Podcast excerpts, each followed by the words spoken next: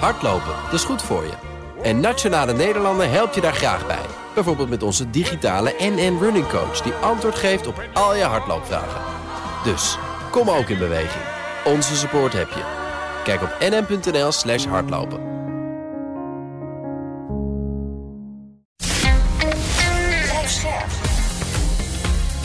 BNR Nieuwsradio. Boekenstein en de Wijk. Nina van den Dungen. Welkom bij Boekenstein en de Wijk. Het is vrijdag, dag 681 van de oorlog in Oekraïne. Rob, zijn er nog ontwikkelingen aan het front in Oekraïne?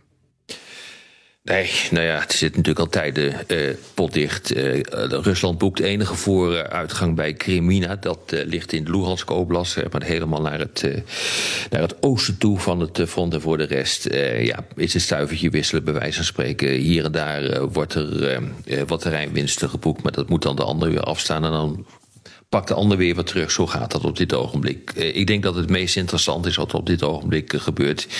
Is dat er uh, grote berichten iedere keer zijn. En allerlei discussies onder analisten. van wat doen die Russen nou eigenlijk op dit ogenblik met die grote aanvallen.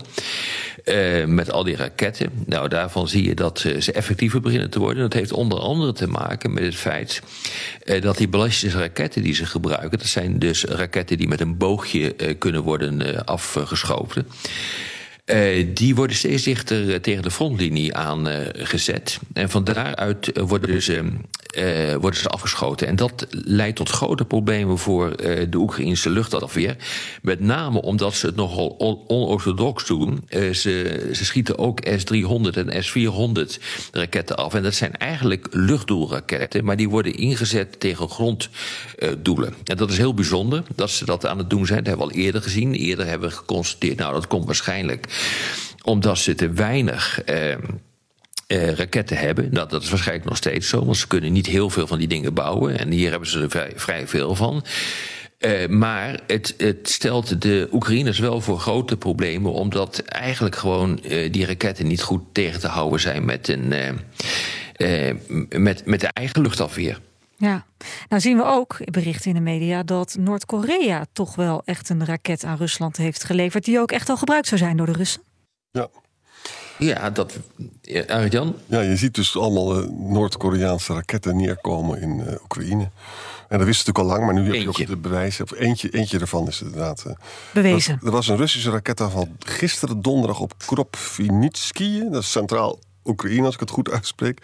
Eén dode, acht gewonden en altijd weer op de energieinfrastructuur gericht. Hè. En Oekraïne heeft zelf geprobeerd de Krim aan te vallen, een Russische militaire eenheid, vlakbij Yavpatoria op de Krim. Uh, maar dat, de Russen zeggen daarvan dat dat geen schade heeft aangericht. En Oekraïne zegt er verder niet veel over. Mm. Dus, dus, wat er aan de hand is. Nog even terug te komen op die, uh, op die uh, raket. Uh, die neer is gekomen, uh, laten we zeggen, in weiland. Dat is een, een Noord-Koreaanse raket. De, het Witte Huis is daar toch redelijk ontstemd over dat het nu gebeurt. Ehm, want dit betekent namelijk dat de situatie toch wel verandert. omdat Noord-Korea nu actief betrokken wordt op een of andere manier bij deze oorlog. Het gaat om raketten met een afstandbereik van pakweg 900 kilometer. En in ruil voor de levering van die raketten levert Rusland dan weer gevechtsvliegtuigen, luchtdoelraketten en panzerwagens en dat soort uh, zaken. Uh, het Witte Huis zegt nu, ja, dit is toch wel echt uh, problematisch, ook uh, voor de veiligheidssituatie in Azië. Wat hier gebeurt, want dit werkt de totale escalatie in de hand. Ja, ik vraag me af of Rusland die dingen allemaal kan missen, dan, dan door te schenken aan Noord-Korea. Nou ja, kijk eens, eh, ze gebruiken natuurlijk wel wat vliegtuigen, om maar eens wat te noemen. En wel wat panzervoertuigen, maar de boel die zit op slot. Dus ja. uh, uh, vliegtuigen worden nauwelijks gebruikt in dat, in dat conflict, omdat die allemaal uit de lucht worden geschoten. Het enige wat je kunt doen is een vliegtuig inzetten met lange afstandswapens daaronder. Dus nee, daar hebben ze er op dit ogenblik genoeg van. Dus dat is het probleem, denk ik niet. Nee. En er zijn ook leveringen op wat langere termijn ook bekend geworden dus dat Rusland probeert uh, nog meer korte drachtsraketten in Iran te kopen. Ja, dat, dat doet uh, Rusland natuurlijk altijd. Hè. Kijken wat je kan krijgen. En er is een krijgsgevangenenruil. En dan moeten we ja. even over de timing daarover praten, Rob. Honderden, 230 tegen de aanzien van 208. Waarom gebeurt dat nu? Gesponsord door de Verenigde Arabische Emiraten. Dat is interessant, hè? Die proberen dus... Ja, nou, een, een, van de verklaringen, een van de verklaringen waarom dit uh, gebeurt is de onophoudelijk berichten die er zijn over het misbruik van uh, krijgsgevangenen door Rusland. Onder andere, daar hebben we het eerder over gehad, is er een, een, een bataljon ingezet met Oekraïense krijgsgevangenen. Die moeten dan tegen Oekraïne vechten. Nou, dat gaat helemaal in tegen het, het humanitair oorlogsrecht en hoe je met krijgsgevangenen dient om te gaan. Het, het, het idee bestaat dat dit uh, dat dit daar een reactie op is. Uh, dat men zegt: nee, we doen het toch wel goed. En uh, kijk eens, we geven nu de krijgsgevangenen terug. En dat doen we ook in grote getalen. Want dit is ook inderdaad, volgens mij is het de grootste hoor. De grootste kruisgevangenenruil tot nu toe. Ja. er zijn er heel veel geweest.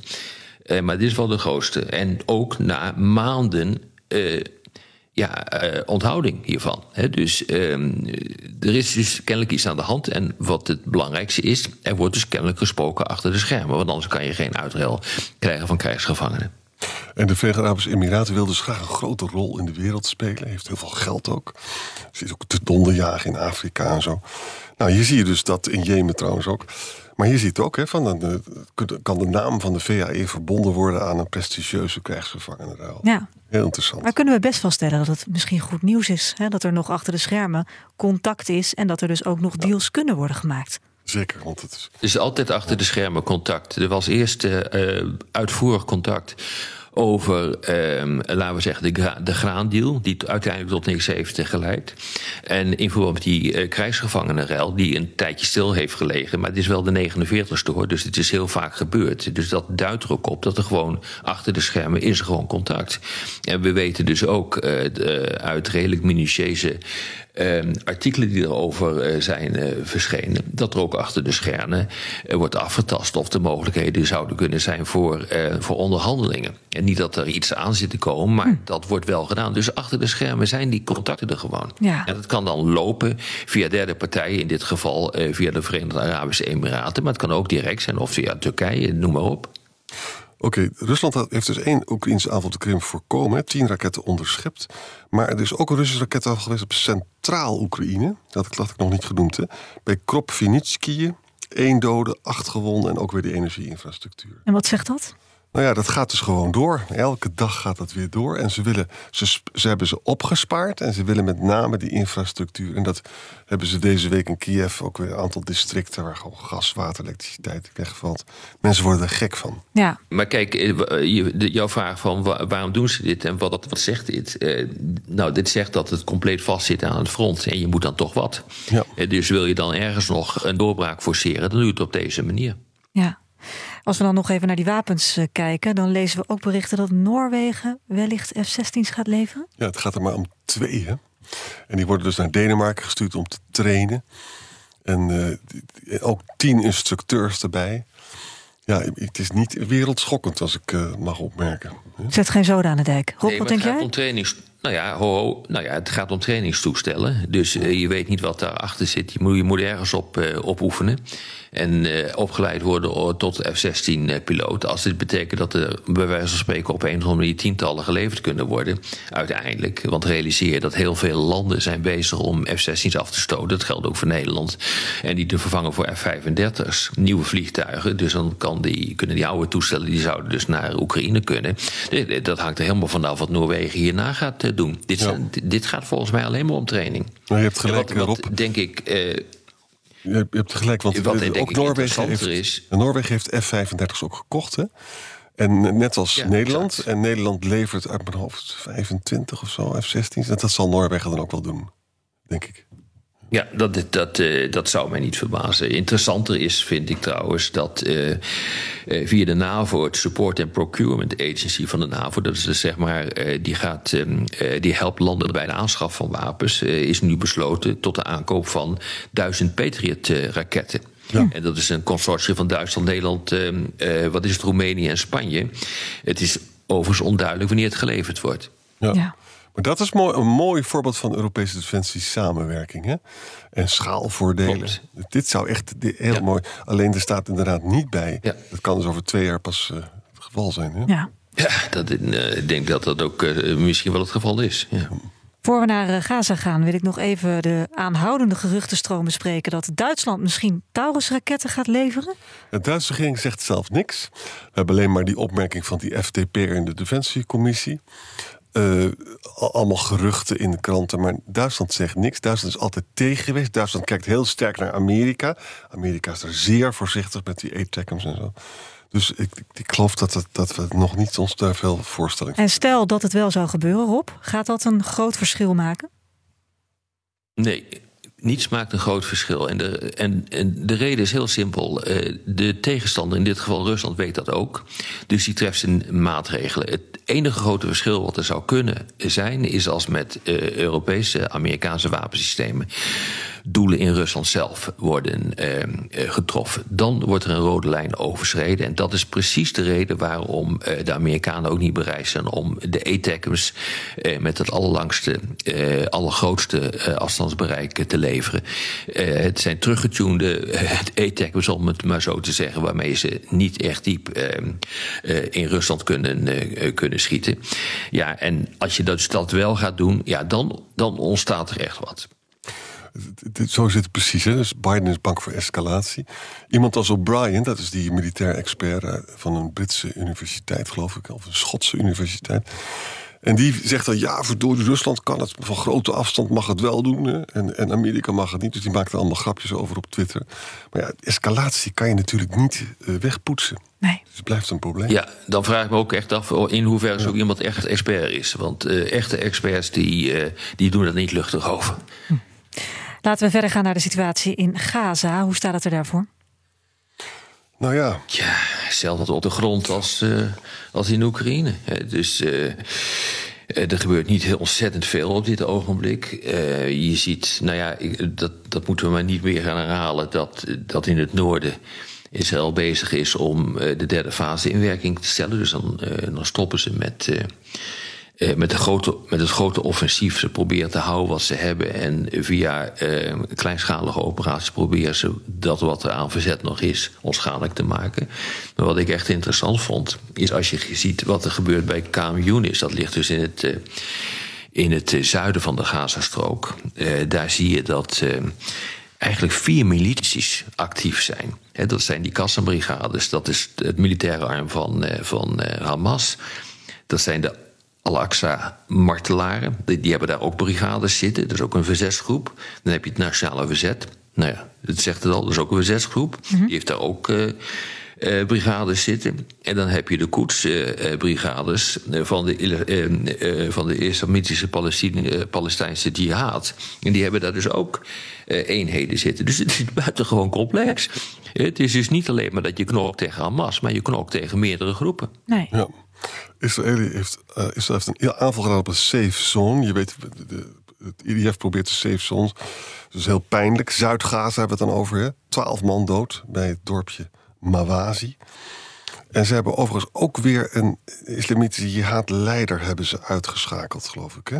Een andere dan Al-Aruri? Ja, nee, ja, Lolo hebben ze gepakt, geloof ik. Maar dan wel ja. in Gaza, of zat hij ook weer ergens anders? Ik weet even niet waar die, waar die, waar die zat eigenlijk. Hm. Ja. Ook vanochtend in het nieuws dat uh, de Israëlische minister van Defensie, Gallant, een plan gepresenteerd heeft voor wat er uh, nodig is als de oorlog voorbij is. En daar zegt hij toch: het dagelijks bestuur in Gaza komt dan in handen van Palestijnen, maar de veiligheid, dat wordt de Israëlische zaak. Ja. Toch verrassend nadat uh, Smotrich hè, onder andere toch wel een hele grote mond had, uh, Rob, over uh, dat alle Palestijnen maar Gaza uit moesten. Maar dat is dus nu even rechtgezet? Maar Galland zegt natuurlijk ook ja, van. Uh, dat, uh, Galland zegt ook van ja, luister eens jongens, uh, wij behouden ons het recht voor om direct ook weer daar in te trekken als het misgaat. Hè? Maar Ja. goed, zijn positie is, de, moeten de Gazanen moeten het zelf maar gaan besturen. Dat zegt natuurlijk verder ook nog helemaal niks. Zolang het maar niet Hamas is. Ja. En die opmerking van Smotrich en ook die Ben Gvir is ongelooflijk slecht gevallen natuurlijk in, uh, in Amerika. En ook in het hele Midden-Oosten zijn mensen ontzettend bang dat de, dat de Gazanen Egypte worden binnengedreven. Niet in de laatste plaats Egypte zelf. Hè? Mm-hmm. Dus de PR van deze Israëlische regering is niet nou dat je zegt uh, om naar huis te schrijven. Ja, en ik weet ook niet, ik zie het ook niet echt als een plan hoor, wat er nu is uh, gelanceerd ten aanzien Nee. van het bestuur van Gaza. Het is evident dat op termijn de Gazanen dat zelf moeten gaan doen. Ja. En het is ook evident dat gedurende de hele lange tijd Israël op een of andere manier betrokken moet zijn bij de uh, veiligheid van, uh, uh, van dat gebied. Al was het alleen maar omdat de eigen Gazaanse veiligheidstroepen gewoon waarschijnlijk niet meer bestaan over een tijdje. Dus dan word je daar gewoon voor verantwoordelijk als Israël. En uiteindelijk zul je dan wel weer het bestuur moeten overdragen. Want anders uh, ja, raak je verzeld, nog, nog verder verzeld in de wespennetwerk waar je nooit meer uitkomt. Ja. Dus um, de, ze, ze, hebben, ze hebben zich niet voor niks teruggetrokken. Wanneer was dat? Um, uit, um, uit, uit Gaza.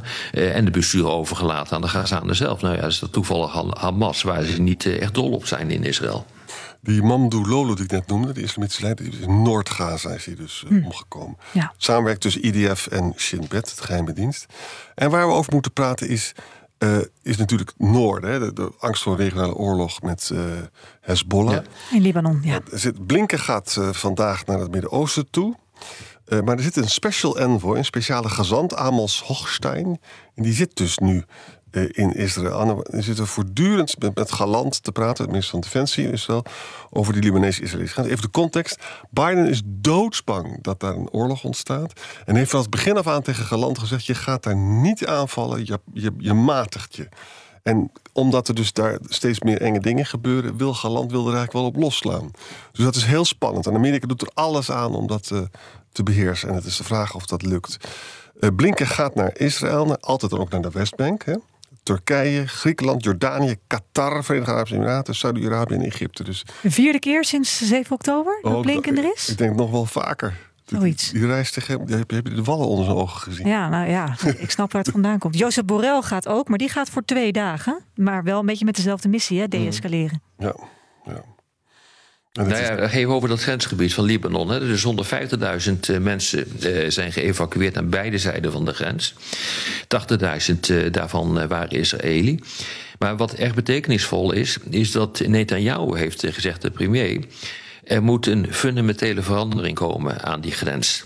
Mensen moeten terugkomen. Nou, ik ik heb al eens een keer gesuggereerd. Het zou me niet verbazen dat als ze op een of andere manier uh, zeggen dat de klus geklaard is in, uh, in uh, de Gazastrook. Dat ze vervolgens doorgaan naar Zuid-Libanon. Het zou mij niet verbazen. Want het, de veiligheid van, van Israël staat voor Israël uiteraard voorop. En je kan niet accepteren dat je continu vanuit het noorden wordt uh, wordt bestookt door Hezbollah. Het probleem van Hezbollah is uh, dat ze iets sterker zijn dan Hamas. En iets is dan nog wel een understatement, want het is gewoon een enorme potente tegenstander. Uh, die de beschikking heeft over een enorm rakettenarsenaal. Dus ehm, wil je echt iets gaan doen, dan zijn er denk ik twee, drie punten die zijn cruciaal waar je naar moet kijken. Dat is dit. Dat is Libanon. Uh, je moet kijken naar de Houthis. Nou, daar gaan we het uh, ook morgen weer over hebben, volgens ja. mij. Uh, en, en je moet kijken wat er gebeurt met de Amerikaanse aanwezigheid in bijvoorbeeld Syrië en met name Irak. Want dat gaat ook niet goed. Ja, en het gekke is, dat wil ik eigenlijk aan Rob vragen ook. De Hezbollah heeft ontzettend veel raketten. Ja, uit mijn hoofd 20.000 ja. of zo. En er zijn ook hele goede raketten, precisieraketten. En de Iron Dome kan mm -hmm. dat allemaal niet pakken. Dus, dus Israël is heel nee. kwetsbaar aan die kant, zou je ja. zeggen. Nou, het gekke is, we hebben het een paar dagen geleden al. Ja, is ook zo. Ja, er is dus een, een, een Hamas-leider daar uitgeschakeld in Libanon. Nou, dat is natuurlijk levensgevaarlijk. Hè? Maar ja, met die toespraak van Nasrallah was duidelijk dat hij toch niet echt zei van nou, ik ga keihard terugslaan. Dus om een of andere reden moeten we vaststellen dat zowel Iran als Hezbollah dat die met echt terughoudend zijn. Terwijl ze militair ja, een best aardige positie hebben op met die raketten. Ja, maar dat is logisch. Omdat uh, we hebben uh, maanden geleden, toen dit conflict begon... Uh, uitvoerig gesproken over het verschil in karakteristiek tussen wat er gebeurt in de Gazastrook en wat er gebeurt met betrekking tot, het, tot Libanon. Libanon is veel meer een interstatelijk conflict. Ja. En Gaza dat heeft veel meer de trekken van een conflict binnen een staat. dat betekent dat er dus andere wetmatigheden gelden voor, voor Libanon. in Libanon geldt veel meer bijvoorbeeld het afschrikkingsdenken. dus als jij die enorme macht van Hezbollah op afstand wil houden. Ja, dan, uh, dan kom je automatisch terecht in uh, de afschrikkingsfunctie van de Israëlische kernwapens. Iedereen weet dat, niemand wil erover praten, maar het is wel zo. Ja, maar Biden, het is allemaal waar hoor, maar Biden is hartstikke bang hè, dat het toch een oorlog wordt met Hezbollah. En uh, ja. Uh, dus met andere woorden, ik, nee, zeker. Het is, het is allemaal veel instabieler dan je op het eerste gezicht zou denken. Hè? Het is echt, nou, de, groot, ja. de grote angst, de grote angst en het grote gevaar is ook een, een uh, Israëlisch-Hezbollah-conflict. Of een Libanees-Israëlisch uh, conflict, hoe je het ook allemaal zou willen noemen. Want Hezbollah is natuurlijk diep ingebed in de staatsstructuren van, van Libanon. Dat is eigenlijk bijna een stadelijke speler. Dat is ja. echt van een hele andere orde. Dus. Um, uh, nee, als dat dus losgaat, dan heb je dus een, uh, een geweldig probleem. En dan moet je dus om hele andere redenen.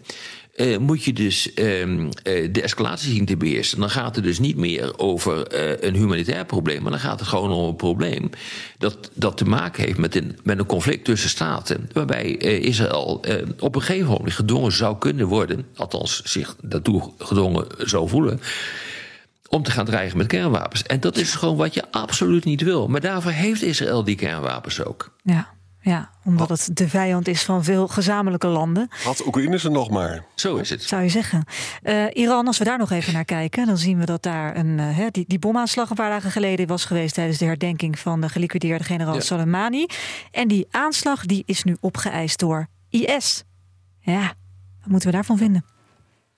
Nou ja, dat is, nou, is, niet zoveel. Ja. Ik bedoel, het verbaast me niks. We hebben een beetje voorspeld ook dat het Iraanse oppositie zou zijn eerst. Maar het is toch, toch kennelijk IS. IS is groter geworden. Hè? Ja, en bedenk ook goed. En ik de heb dat nooit geloofd. Ja, ja. En, de, en de logica is dit: dat uh, generaal Soleimani heeft met de Sjiitische milities in Irak natuurlijk vreselijk ook uh, IS bevochten. Dus die, die, uh, die vonden het ook wel leuk om dat, om dat die, ceremonie, herdenkingsceremonie te, te verstoren. Het is overigens wel heel ernstig hoor. Ja. Ontzettend veel doden. En ja. toont ook de kwetsbaarheid van het Iraanse regime, dat toch al hartstikke kwetsbaar is. Maar dat is dus de logica. Nou ja, wat, wat, dit, wat dit aantoont is dat de IS nog steeds sterk is. En dat zien we dus op dit ogenblik ook in Irak gebeuren. Hè? Dus in Irak, daar is een, door de Amerikanen een, een leider gedood van een van de pro-Iraanse milities. Uh, Hezbollah al-Nujaba. Ja. Als ik het goed uitspreek. Uh, dat is meneer uh, Al-Jawari, is uh, daarbij om het leven gekomen. was een belangrijke man, ja. pro-Iran. Uh, en uh, dat leidt ertoe uh, dat iets in versnelling is gekomen, wat al een tijdje zichtbaar was. Namelijk dat de Amerikanen gedwongen worden, althans, dat wil, wil men in, in Irak tamelijk breed. Dat de Amerikanen gedwongen worden om het land te verlaten. Als dat gaat gebeuren, dan zie je dat IS daar ook zal opkomen. Dat is een grote vrees. Dat is precies de reden waarom Amerika daar nog steeds zit. -hmm. Dus als de Amerikanen daar weggaan en er ontstaat een vacuüm en IS springt daarin, krijg je dus een complete explosie opnieuw van Irak. Dus het is echt letterlijk, letterlijk en figuurlijk buitengewoon explosief wat hier ge gebeurt. Ja. En de IS speelt daarbij een belangrijke rol om het nog maar wat complexer te maken. Ja, want het zijn dus een heleboel losse aanslagen gaat... op leiders van groeperingen ja. in allerlei landen. En het gaat helemaal niet goed in Irak, want in het parlement is een resolutie aangenomen: de Amerikaanse soldaten moeten weg. Dus moet je voor zijn nou, die, is, ja. die, is voorgelegd aan de, die is voorgelegd aan de voorzitter van het parlement. Is nog, ja. niet, uh, is nog niet aangenomen. Maar uh, de stemming is wel degelijk zo dat uh, ook de premier van Irak zegt van. we gaan toch proberen om die Amerikanen weg te krijgen. Ja, VN-veiligheidsraad heeft wel al de IS-aanval veroordeeld. Ja. Proberen er ook nog wat ja. van te vinden. Ja, daar kunnen ze makkelijk iets over vinden, ja. want iedereen is bang voor IS. Weet je wat? Daar kunnen ze dan... Een gezamenlijke vijand. Ja, is een gezamenlijke vijand. Hm. Uh, als laatste punt heb ik nog staan uh, Afrika, die een aanklacht heeft uh, ingediend tegen Israël over genocide, Rob. Zuid-Afrika. Zuid-Afrika, ja. Ja, Zuid-Afrika. Ja, dat is echt interessant hoor. Um, uh, er komt de eerste hearing al heel snel op 11, 12 uh, januari. Het is, niet een, het is een aanklacht, precies zoals je het zegt. de, er komt ook niet volgens mij een echte veroordeling uit. maar er komt een, een uitspraak uit. Of er wel of niet sprake zou kunnen zijn van, van genocide of een. Uh, en het overtreden van de regels van de genocideconventie. Uh, eh, alleen al het feit dat dat zal gaan gebeuren, waarna een echte een echte zaak zou kunnen gaan beginnen. Ja, op dat moment leidt Israël natuurlijk geweldige reputatieschade. Uh, te meer omdat ze ook hebben gezegd: wij gaan daar naartoe, wij gaan naar Den Haag toe en wij gaan ervoor zorgen dat we ons gaan verdedigen. Want hiermee plaatst Zuid-Afrika, dus de, de bekende retoriek uit Israël, zich aan de kant van Hezbollah. En wij hebben echt het recht om ons eh, te verdedigen. Maar daar gaat het helemaal niet om voor Zuid-Afrika. Die zegt: dit is niet proportioneel wat hier gebeurt. Nou, dat is een interessante zaak. Is het nou proportioneel, ja of nee? En als het niet proportioneel is, is het dan genocide, ja of nee? Nou, uh, dat is buitengewoon interessant. En heeft enorme consequenties voor Israël op termijn. En de achtergrond hiervan is heel belangrijk. Hè? Je zou kunnen zeggen dat in Amerika en Europa nog veel mensen zijn die uiteindelijk dan met die proportionaliteit een oogje dichtknijpen, om het zo maar te doen. Dat is niet zo voor India, China, Afrika en Latijns-Amerika. Dus dit, is, dit, is ook, dit heeft dus echt ook met een wereldorde te maken die zich nu een beetje tegen Israël keert. En daarmee dus ook het Amerikaanse steun voor Israël, dat Amerika er ook een prijs voor betaalt buitengewoon boeiend. Nou ja, ik moet nog zien of ze dat eh, redden hoor. Voor het, uh, voor het strafhof. Want de genocide is uh, redelijk nauwkeurig uh, omschreven. Ook in de genocide-conventie. Ja. Um, ik ben heel benieuwd of dit voldoet aan, aan genocide. dat het op een, aantal de, op een aantal punten niet proportioneel is, dat is een ding dat zeker is. Maar je kan niet zeggen de hele oorlog die op dit ogenblik uh, woedt tegen Hamas is wel of niet proportioneel. Want je moet het bekijken, dat hebben we al een keer eerder uitgelegd. Je moet het bekijken in de afzonderlijke incidenten die plaatsvinden. Bijvoorbeeld dat, dat roemberuchte incident tegen het grote ziekenhuis uh, dat gebombardeerd is in uh, Gazastad. Nou, daarvan kun je dus uh, een, een, een, daarvoor kun je een onderzoek instellen of het wel of niet proportioneel is. Maar voor de hele oorlog lijkt het mij heel erg lastig. Maar ik ben heel benieuwd wat eruit gaat komen. Misschien krijgt het nieuwe recht hier wel, het internationale recht hier wel een nieuwe interpretatie. Het probleem is dat bij de definitie van genocide, het moet intentioneel zijn, hè, dus bewust, en ook gericht ja. om de hele bevolking uit te schakelen. Ja. Nou, dat is natuurlijk niet het geval. Krijg dat maar eens hard, ja. ja. We gaan um, morgen uitgebreid uh, praten over uh, de relaties in het Midden-Oosten, hoe die daar onder hoogspanning staat. Kijken hoe we dat een beetje kunnen uitpluizen. Ik zeg tot morgen dan maar. Hè. Tot morgen. Ja, tot morgen. Hardlopen, dat is goed voor je. En Nationale Nederlanden helpt je daar graag bij. Bijvoorbeeld met onze digitale NN Running Coach... die antwoord geeft op al je hardloopvragen. Dus, kom ook in beweging. Onze support heb je. Kijk op nm.nl slash hardlopen.